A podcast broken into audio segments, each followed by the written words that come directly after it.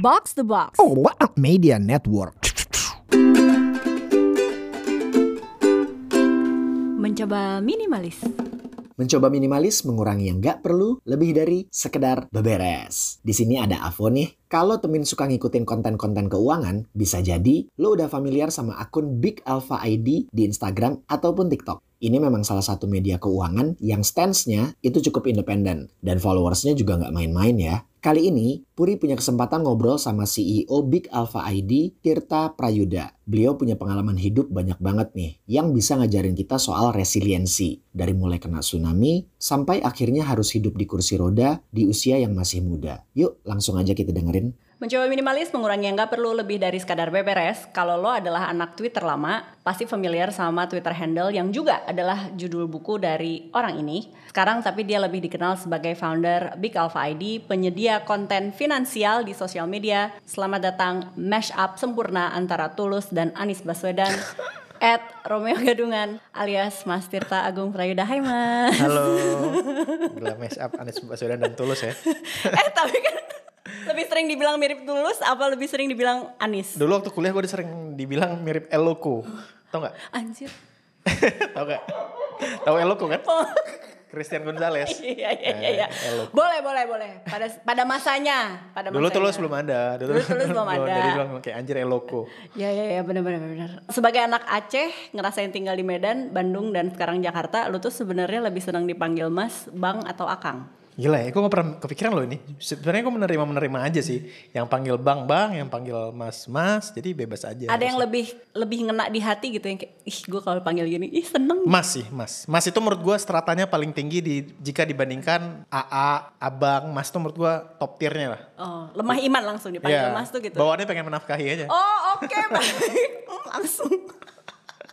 Tenang ya. Eh, ada sisa-sisa sedikit Romeo gadungan di sini. Eh, nanti kita akan cerita juga soal relationship. Tapi disclaimer juga episode ini kita nggak akan eh, ngomongin banyak tentang finansial karena akan ada kolaborasi lebih lanjut antara kami berdua yang memang lebih fokus ngomongin finansial. Sebenarnya kali ini gue lebih pengen kenal orangnya gitu karena biasanya gue kalau ngobrol sama dia kerjaan aja. Jadi tidak terbangun ini koneksi. Oke, jadi gitu. ini hal-hal yang private ya. Iya, if that's okay. Gue tuh selalu punya ketertarikan dengan cerita perantau karena menurut gue orang yang berhasil tuh pasti ditempa dulu dan umumnya adalah perantau gitu. Sementara kalau menjual kesedihan kayaknya lu udah nggak ada yang lebih ngalahin sih. ya kan? Coba silakan dicari sendiri ya kalau mau googling ya nama Tirta Prayuda. Kan dapet namanya apa sih? Udah SMBPTN ya? Apa sih? Apaan sih? Yang kalau lulus ujian buat tes ke perguruan tinggi, Kapan? Sekarang apa? lu zaman lu Ja, nama zaman gua namanya. Heeh. SPMB. SPMB. Ya, nah, SPMB. lu dapet Unpad waktu itu padahal situasinya lu mengalami tsunami. Oh, betul. Ya, kelas 3 SMA. Betul sekali. Itu aduh gila sih. Coba dia diceritakan fase hidup lo yang itu Hmm. dan kalau lo nggak keterima di Unpad lo akan melakukan apa di titik itu? Oh, oke. Eh, jadi waktu itu ya seperti biasa lah ya, gue seperti anak kelas 3 SMA yang masih bau matahari gitu kan. di palanya tuh masih bau matahari. Terus melihat kayak anjir, gue nih nggak pengen nih kuliah di Aceh karena udah udah berapa tahun itu di, di Aceh dan nggak ada menarik menariknya menurut gue untuk kuliah di Aceh karena gue satu nggak pengen jadi PNS karena keluarga gua- keluarga gue semuanya PNS jadi Oke. kalau kita kelas 3 SMA itu nggak tahu di Jakarta atau di Bandung di kota-kota lain eh, guru BK di Aceh itu nggak ada fungsinya menurut gue Karena apa itu passion semua ya pokoknya Iya, kalau kalau harusnya kan kelas 3 SMA itu kita diajarin, oh Pilihan-pilihan kamu karir minatnya apa, ke mana, ah. karirnya apa. Di Aceh itu kan profesi cuma ada tiga lah, dokter, PNS, dan polisi. Oh pedagang eh, entrepreneur ya, nggak maksudnya ya? entrepreneur Ya. lah di luar itu gitu. Jadi waktu itu gue kayak anjir gue gak ada yang mau nih. Dulu sempat pengen masuk polisi, pengen masuk akpol, cuman pas kelas 3 SMA bokap gue cuma nanya, abang udah mulai lari-lari sana deh, lari-lari. Jadi jadi tiap pagi gue jogging gitu, jogging 10 kilo, 10 kilo jogging. At some point gue udah siap tes akpol, kata bokap gue bisa berenang. Enggak. Ya udah belajar aja katanya. Akhirnya gue ex ganti masuk akpol. Terus Desember 2014 ya se- seperti kita tahu ya awalnya gempa tsunami Terus sekolah gue libur berapa bulan itu? Empat bulan kali ya? Empat bulan. Jadi masuk masuk itu April dan langsung persiapan buat UN. Dulu Ya. namanya UAN, Ya, UAN ya, ya. kan. Terus ya udah, eh, majority teman-teman gue tuh meninggal.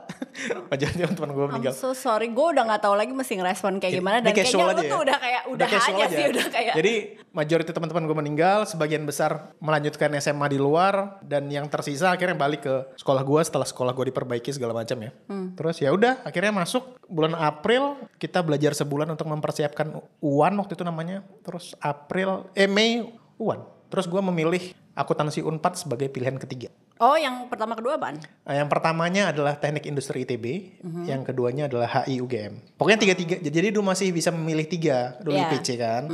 Jadi tiga tiganya itu di luar dan waktu itu teman-teman gue bilang kayak, Pir lu nggak pengen ngambil salah satu yang di Aceh di Unsiah gitu? Kayak, ah, enggak ah, bosen gue di Aceh gitu. Ya, akhirnya tiga tiganya di luar dan lulusnya pilihan ketiga. Dulu masih ngecek pakai koran kan. Iya. Jadi pagi-pagi tuh ngidupin motor, nyari koran, terus lihat namanya wah lulus di Bandung gitu. Udah, udah gitu tiga. Kalau nggak dapet saat itu backup plan lo apaan? Dulu keluarga gue tuh adalah stan. Jadi emang anak ekonomi tapi kuliahnya ikata- ikatan dinas gitu kan. Biar dulu kan masih ikatan dinas dan jaminan dalam tanda kutip jaminan dapat kerja. Jadi kakak gue stan, terus keluarga gue tuh ada yang STPDN. Jadi sekolah ikatan dinas itu udah familiar banget di, di keluarga gue. Adik gue juga stan. Jadi waktu itu gue kalau nggak lulus ya stan. Stan mau mau jadi temennya Helmiah ya. Ya, dan sekolah-sekolah ikatan dinas lain mungkin kayak apa ya? Telkom STPDN, STIS, gue ikut STIS dulu. Oh oke keren. Untung nggak lulus ya, kalau nggak dipukulin gue mati mungkin di sana. Kan sekolah ikatan dinas itu kan identik dengan Iya katanya kan Keras. eh, eh, ya biar kompak katanya iya. gitu ya. Sedikit cerita kan gue juga U- Unpad BUTUT ya. Unpad, unpad eh, level ini ya, level proletarnya ya, yang di Nangor kan. Sorry ya, kita di Bandung. Eh enggak, aku tuh FE tapi aku FE murtad. Oh. Iya dan dia dia adalah eh, Bapak Tirta adalah yang excel dan sesuai gitu ya dengan apa yang diambil kalau gue mah enggak aja udah Iya. gitu. Iya jadi gue merasakan di, di Pati Ukur juga. Em, tapi kembali culture shock yang dialami dari anak Aceh tiba-tiba ke Bandung dan kemudian bekerja di Jakarta apa? Waktu pertama kali kuliah Bandung tuh dingin, nggak kuat gue. Jadi bayangin semester pertama itu gue mata kuliah Pancasila yang harusnya sangat mudah ya. Gue E nilainya karena nggak cukup absen. Oh, kan kalau di Unpad dulu tuh kan kita harus 70% dari kehadiran kan baru bisa ikut UAS kan. Iya. Jadi gue nggak cukup karena kebe- keseringan bolos karena tidur mulu tidur siang. Karena oh tidur siang bukan bangun paginya Bukan ternyata. tidur siang jadi kuliahnya tuh siang jadi kayak dingin kayak aduh enak eh, apa dingin gitu kayak tidur siang. jadi emang emang alasannya itu. Jadi gitu. ngulang, ngulang SP. ngulang ngulang. Enggak enggak enggak sorry sorry. Kita di Unpad nggak ada ngulang ya di FILMAN. Istilah itu pemantapan. Pemantap. Biar mantap gitu. Jadi Pancasilanya waktu itu kurang mantap jadi kayak oke nih gua harus pemantapan nih. Iya. Emang bener. Jadi sekarang kalau apa pengasuhan sekarang nggak boleh ada bilang nggak lulus. Iya. Pokoknya remedial aja terus Iya, gitu. gitu. Coba lagi sampai akhirnya bisa. Yang kedua gua adalah makanan. Kenapa? Oh, lo kan Sumatera sejati betul, ya kan? betul sekali dan dan di makanan di Bandung itu kan nasi, sambal dan daun ya. Iya. ya kan?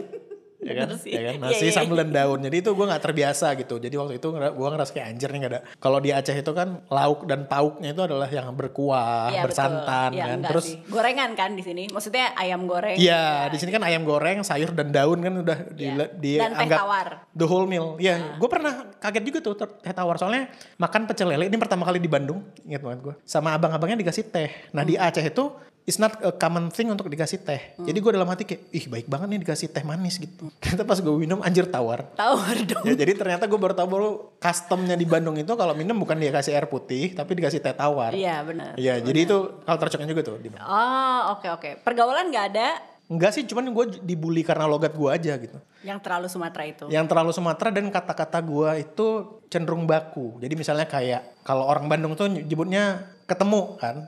Jadi kan gue, eh lo udah ketemu Jumpa. sini nggak ya? Nah, gue dulu gue bilangnya jumpa kayak, Iya, oke. eh lo udah jumpa sini nggak? Hah jumpa tak? gitu.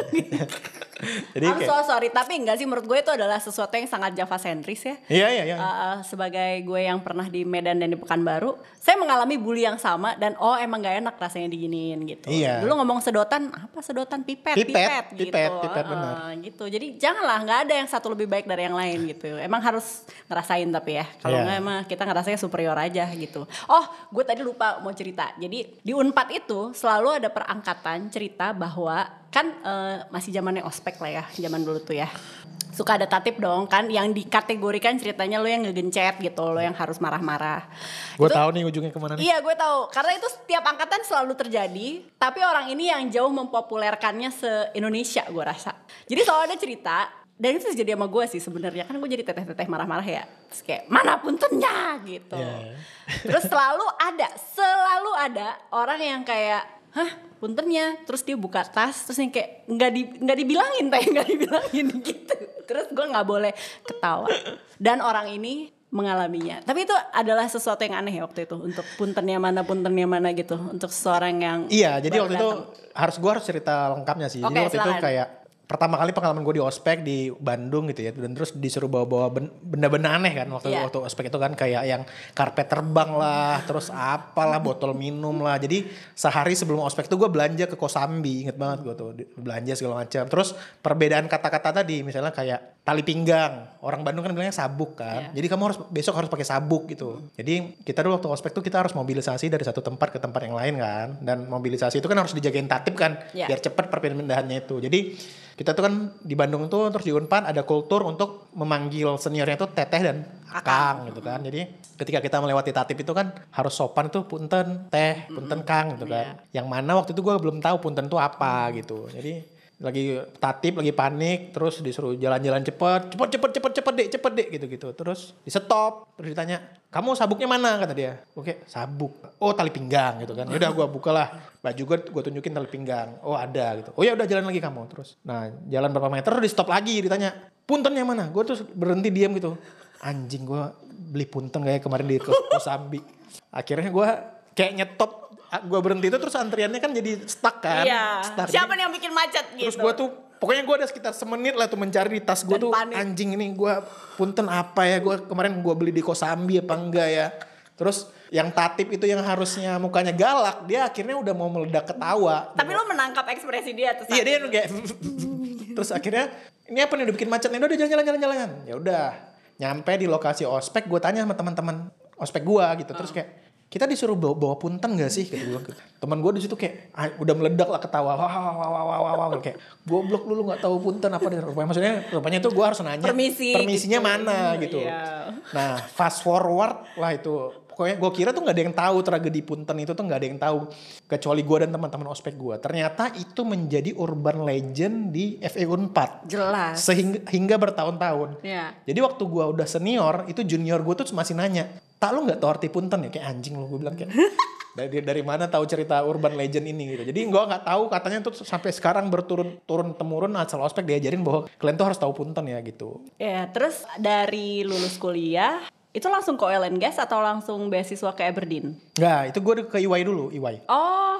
wow, sebuah karir linear yang tertebak ya dari lulusan akuntansi ke sangat IWA ya. Sangat kejutan sekali ya. Saya nggak pernah dengar itu pernah sebelumnya. dengar ya. Jadi kita waktu itu Unpad ada kerjasama sama EY. Jadi mereka EY minta sama Unpad untuk kayak gue butuh 20 orang lulusan Unpad gitu. Dibilangnya lulusan terbaik karena mereka malas bikin seleksi. Jadi mereka cuma minta kasih gue 20 nama jadi Unpad yang seleksi. Akhirnya gue lulus ke 20 itulah. Ih Gitu, ya ampun, ke anak Unpad. pintar memang kan itu. gitu. Terus lo menyukai, eh waktu itu auditor memang. Eh, iya, auditor. Lo menyukai assurance. pekerjaan itu? Awalnya sih suka ya karena masih muda, masih kuat lembur gitu kan. Kayak dulu masih lembur tuh masih diadu-adu gitu. Kayak eh lo lembur sampai jam berapa? Jam 11 gitu. Ah gue jam 1 ya. Merasa keren lah kalau Lomba menderita ya? lembu menderita jual- jual-jual penderitaan dengan humble brag itu kan. Aduh gue kerjaan gue banyak banget nih. Gue kemarin pulang jam 2 gitu. Padahal kan kayak apaan sih anjir. Gitu. Jadi gue 2 tahun di sana baru pindah ke BP, ke Oil and Gas. Oh oke pindah, baru ah- akhirnya eh, memutuskan sekolah lagi. Ya bener Ah. karena udah capek waktu itu. Udah kayak gue udah jenuh nih kerja. Kayaknya gue harus sekolah lagi gitu. Eh, tunggu, waktu itu lo LPDP shifting atau apa nggak Oh sih? tidak dong. Anda eh, Saya beasiswa Pemda Aceh. Oh Aceh Pride beneran Iya. dia. Apa ah, cerita apa yang dijual sampai akhirnya terpilih selain memang prestasi? Eh, simply karena nggak ada yang apply aja. Jadi beasiswanya dibuka kuota, terus ada negara-negara tujuan dan majority applicants itu mungkin karena dari Aceh mereka tuh ngambilnya tuh ke Mesir, ke Arab, negara-negara kafir itu kayak Inggris tuh sedikit pemilihnya. Jadi gua lah yang Negara memilih- Barat apa itu? Iya gitu? apa lu mau bela- belajar bisnis ke Inggris Inggris, negara kafir ya. Jadi saya yang memilih dan lulus aja ke sana. Oh ya, oh nggak apa-apa. Menjadi yang aneh itu le- lebih mudah kayaknya ya. Ya. Emang beda tuh beneran.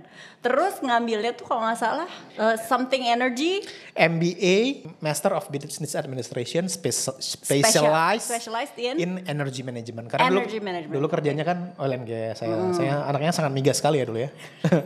Tenang, eh, mungkin pada suatu masa bisa jadi kita bertemu di Petro Idol tapi belum mengenal. wow, Petro Idol. Anda tahu ya Petro Idol risetnya dalam juga. Dulu saya mbak-mbak yang mengerjakan itu soalnya. oh, Oke. Eh, saya nggak tahu apakah kita bertemu, tapi setiap Petro Idol selalu ada lagu Chris Patih Wow. yang dinyanyikan. Chris saya nggak tahu waktu itu eh, nyanyi ya? Iya. Nyanyi ya. Oh menjadi ini perwakilan BP dalam Perwakilan BP tiga ada tiga orang. Jadi karena mungkin BP ampun. Mencari bukan orang yang suaranya bagus ya, yang nggak tahu malu, aja, yang ya, nggak tahu malu ya, aja, yang ya udah jadi saya terpilih menjadi Petro Idol. Sempat di lesin sama BP waktu itu. Oh ya. Di Siapa? Lat- latihannya di mana? latihannya di Elvas Elvas apa Perwacaraka ya? Oh, lupa. keren ya. jadi dinyanyiin gitu. Terus jadi pas waktu itu awal awalnya mau nyanyi Ari Lasso Hampa. Terus Ya pas tes vokal gurunya bilang mas ada lagu lain gak Terus apa? karena nggak nyampe.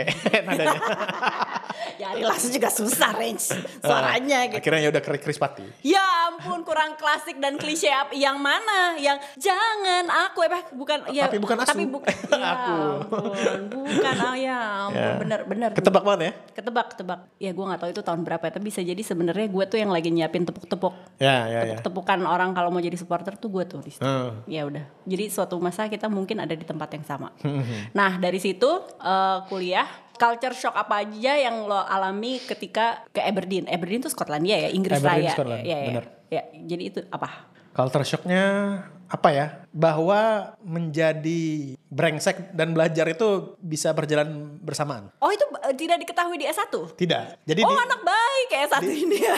Bukan, maksud gue kalau di S1 itu kan image orang yang clubbing, mabuk, pacaran, sana terus pasti sekolahnya ketinggalan lah ya. Maksudnya IPK-nya jelek gitu. Jadi waktu di Aberdeen tuh gue melihat anak-anak S1 di sana itu ketika low season tuh maksudnya bukan yang musim belajar biasa. Mereka itu mabuknya tuh parah. Flat party, terus habis flat party terus clubbing, pulang jam 4 pagi gitu ya. Tapi ketika lagi exam season itu library penuh dengan orang-orang yang sama. Jadi menurut gue anjing ya. Dulu kan kalau kita orang-orang yang seperti itu waktu S1 kan pasti IPK-nya 2 koma ya. ya kan? Jadi Tahu aja kok ngeliriknya kayak tegas gitu ya sama saya. Ya oke terus. ya jadi itu saya hadapi di Inggris itu mereka oh, oke bisa, bisa paralel ternyata ya. Oh, iya, iya, iya. Itu paling ini sih. Terus uh, apa uh, efek pengalaman clubbing dan nightlife di Aberdeen tuh membuat anda merasa apa? Merasa capek ya. Karena Aberdeen tuh lah masa-masa terakhir gue mengalami hal-hal seperti itu pulang dari sana anjir capek gitu. Kayaknya udah udah udah puas. Oh benar, Gitu, benar. Berarti Udah kak. Hmm. ya benar harus dipuasin tuh benar ya. Oke. Gue nggak mau I don't want to be that guy itu nggak lo? Ya ya. That guy yang lu ada di setiap klub di setiap pub itu ada om-om yang kayak anjing lu masa lu udah udah lewat lu nggak pas nggak pantas di sini lagi gitu ngerti nggak? Iya, cuman Hotman, Hotman Paris yang bisa. Dia tuh ah itu itu itu maksud gua. You don't want to be that guy. Tapi he owns the club sih, jadi Ah iya itu oke deh lah oke gitu. lah oke. Tapi kan lo ngerti kan maksud gua? Iya, iya, Di iya. setiap klub atau Yang pub angguk-angguk duduk di ada sofa gitu lounge ya. yang kayak Iya, iya, om om terus gua ngeliat kayak ki- kita yang dalam hati anjir lu masih ngapain sih di sini gitu ngerti nggak? Masa lu udah lewat nah, nah I don't want to be that guy. Gua dari dulu udah kayak oke kalau gua udah nggak enak gua nggak akan di situ lagi. Gitu. Sepakat. Terus pulang muka ganteng, single, kerjaan kece. Wow. Umur produktif ya. Iya. Kemudian terjadilah kejutan hidup berupa geng eh, semoga gue nggak salah nyebut ini susah banget soalnya. Iya. Guillain-Barré syndrome. Gak paling gampang tuh bilangnya Guillain-Barré syndrome. Guillain-Barré syndrome. Ya. Oke. Mau diceritain itu apa?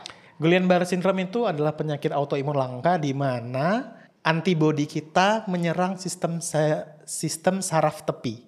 Nah itu. Jadi kayak biar gampang jelasinnya kayak lupus, tapi kalau lupus adalah antibodi menyerang organ, nah GBS itu adalah menyerang sistem saraf tepi. Oke. Gitu. Jadi itu sudden illness lah, nggak ada gejala, nggak ada apa, cuman gue cuman demam tiga hari, terus ya udah kehilangan kemampuan berjalan. How do you deal with it? capek ya awalnya stres kayak terus pertanyaan pertama pertanyaan-pertanyaan kayak God why me gitu Hmm. itu kan bulan-bulan pertama terasa sekali terus yang kayak akhir makin makin ke sini kayak ya udahlah gitu Butuh berapa lama set- eh, butuh berapa lama untuk mengasah skill ya udahlah. hampir setahun kali ya jadi gua bulan-bulan pertama itu nggak mau ketemu orang nggak mau ngecek handphone nggak mau googling di kamar aja gitu Punya pacar nggak waktu itu? punya Putus nggak gara-gara itu? tidak tidak Oh, dong oke, malah bagus. dapat pacar Oh, Oh, Oke baik. Ya karena Oh, waktu ya, sebelum lalu. sakit ada banyak. Jadi seleksi, seleksi alam terjadi gitu ya. Akhirnya mantap dengan yang satu Akhirnya ini. Oke, mantap. terus Jadi ya udah terus itu setahun akhirnya ya udahlah berpikir bahwa kayak life must go on gitu. Dunia tetap berputar tanpa gua. Jadi akhirnya ya udah Hmm. bangkit dan berjalan seperti biasa gitu. itu masih di BP. Masih masih masih kerjanya? masih. Jadi cuti kerja setahun terus setahun ditawarin oleh BP, eh lu mau nggak masuk kerja? Kita fasilitasi. Jadi di, di fasilitasinya itu dikasih meja yang customize, tempat duduk yang customize. Ramah pengguna kursi roda gitu. ramah terus di, dijagain sama security kalau datang dan pergi dan BP sangat eh, mendorong itu kan Ya. equal environment untuk bekerja gitu. That's amazing. Terus Hmm. akhirnya resign gara-gara mau bikin Big Alpha emang. Big Alpha tuh udah jalan. Jadi waktu itu waktu gua sakit selama setahun gitu nggak kerja, gua sering sharing tentang finansial di Twitter gue. Terus makin ke sini tractionnya makin gede, makin gede, makin gede dan menyadari bahwa harus dibikin satu vehicle terpisah. Karena kalau cuma nama gua sendiri kan gua pakai kursi roda, susah jalan-jalan. Harus dibikin vehicle terpisah, dibikinlah Big Alpha. Nah Big Alpha itu berjalan 2018 berdirinya, 2020 gua resign dari BP 2 tahun. Jadi Big Alpha-nya udah jalan dulu. Baru 2020 merasa oke ini harus di harus dikerjakan lebih secara lebih serius dan waktu itu gue udah capek aja kerja kantoran karena dengan dengan kursi roda kan. Karena terjadi perubahan butuh persiapannya lebih lama, lebih capek, lebih gampang lelah gitu. Oke. Apa pesan yang lo mau sampaikan ke orang-orang yang juga lagi merintis side hustle, side project gitu ya? Di titik mana lo berani, oke, gue bener-bener 100% ke sini gitu. Ini adalah salah kaprah yang pengen gue lurusin sih. Orang se- sebenarnya berpikir bahwa menjadi pengusaha itu adalah berani mengambil risiko. Sebenarnya itu salah. Jadi yang bener apa? pengusaha itu adalah orang paling risk adverse yang gue tahu. Jadi mereka baru benar benar-benar action ketika risikonya itu sangat terbatas. Contohnya gue, gue itu berani resign dari BP setelah satu, gue pastikan gue dapat pesangon yang gede dari BP. Dua, Big Alpha sudah bisa berjalan dan sudah cash flow positif. Dan ketiga, in case shit happens, gue akan selalu bisa ke- kembali kerja kantoran kan. Jadi kan risikonya udah sangat terbatas kan. Jadi Oke. worst come to worst, Big Alpha-nya bangkrut apa yang jalan, ya gue tinggal nyari kerjaan lagi aja gitu. Dan Fallback plan lo, ya udah orang kantoran lagi aja. ya udah gitu. Dan itu yang gue sadari bahwa ternyata pengusaha tuh seperti itu. Jadi bukan nggak ngambil resiko, tapi mereka ukur risikonya dan tahu cara mitigasinya gimana. Jadi bukan completely risk taker gitu sih. Gitu. Iya. Itu yang pengen gue gua sharing buat orang yang lagi ngurusin side hustle sampai akhirnya berani untuk loncat ke side hustle-nya jadikan main hustle gitu. Yes. Buat temins yang cita-cita tahun barunya mau ngerintis usaha, menarik ya apa yang Tirta bilang, kalau pengusaha itu bukan semata-mata berani ambil resiko, tapi justru sangat mengkalkulasi resiko dan punya plan B. Kalau lo punya temen yang butuh episode mencoba minimalis kali ini, boleh dibagi tuh linknya, biar semangatnya bisa nular. Obrolan bareng Tirta masih akan lanjut di episode berikutnya. Kalau ada ide topik, boleh banget DM gue sama Puri di @mencobaminimalis di Instagram. Ditunggu banget juga ya review bintang 5-nya di Spotify lewat HP lo. Makasih ya guys sudah dengerin Avo Chaps. Bye for now.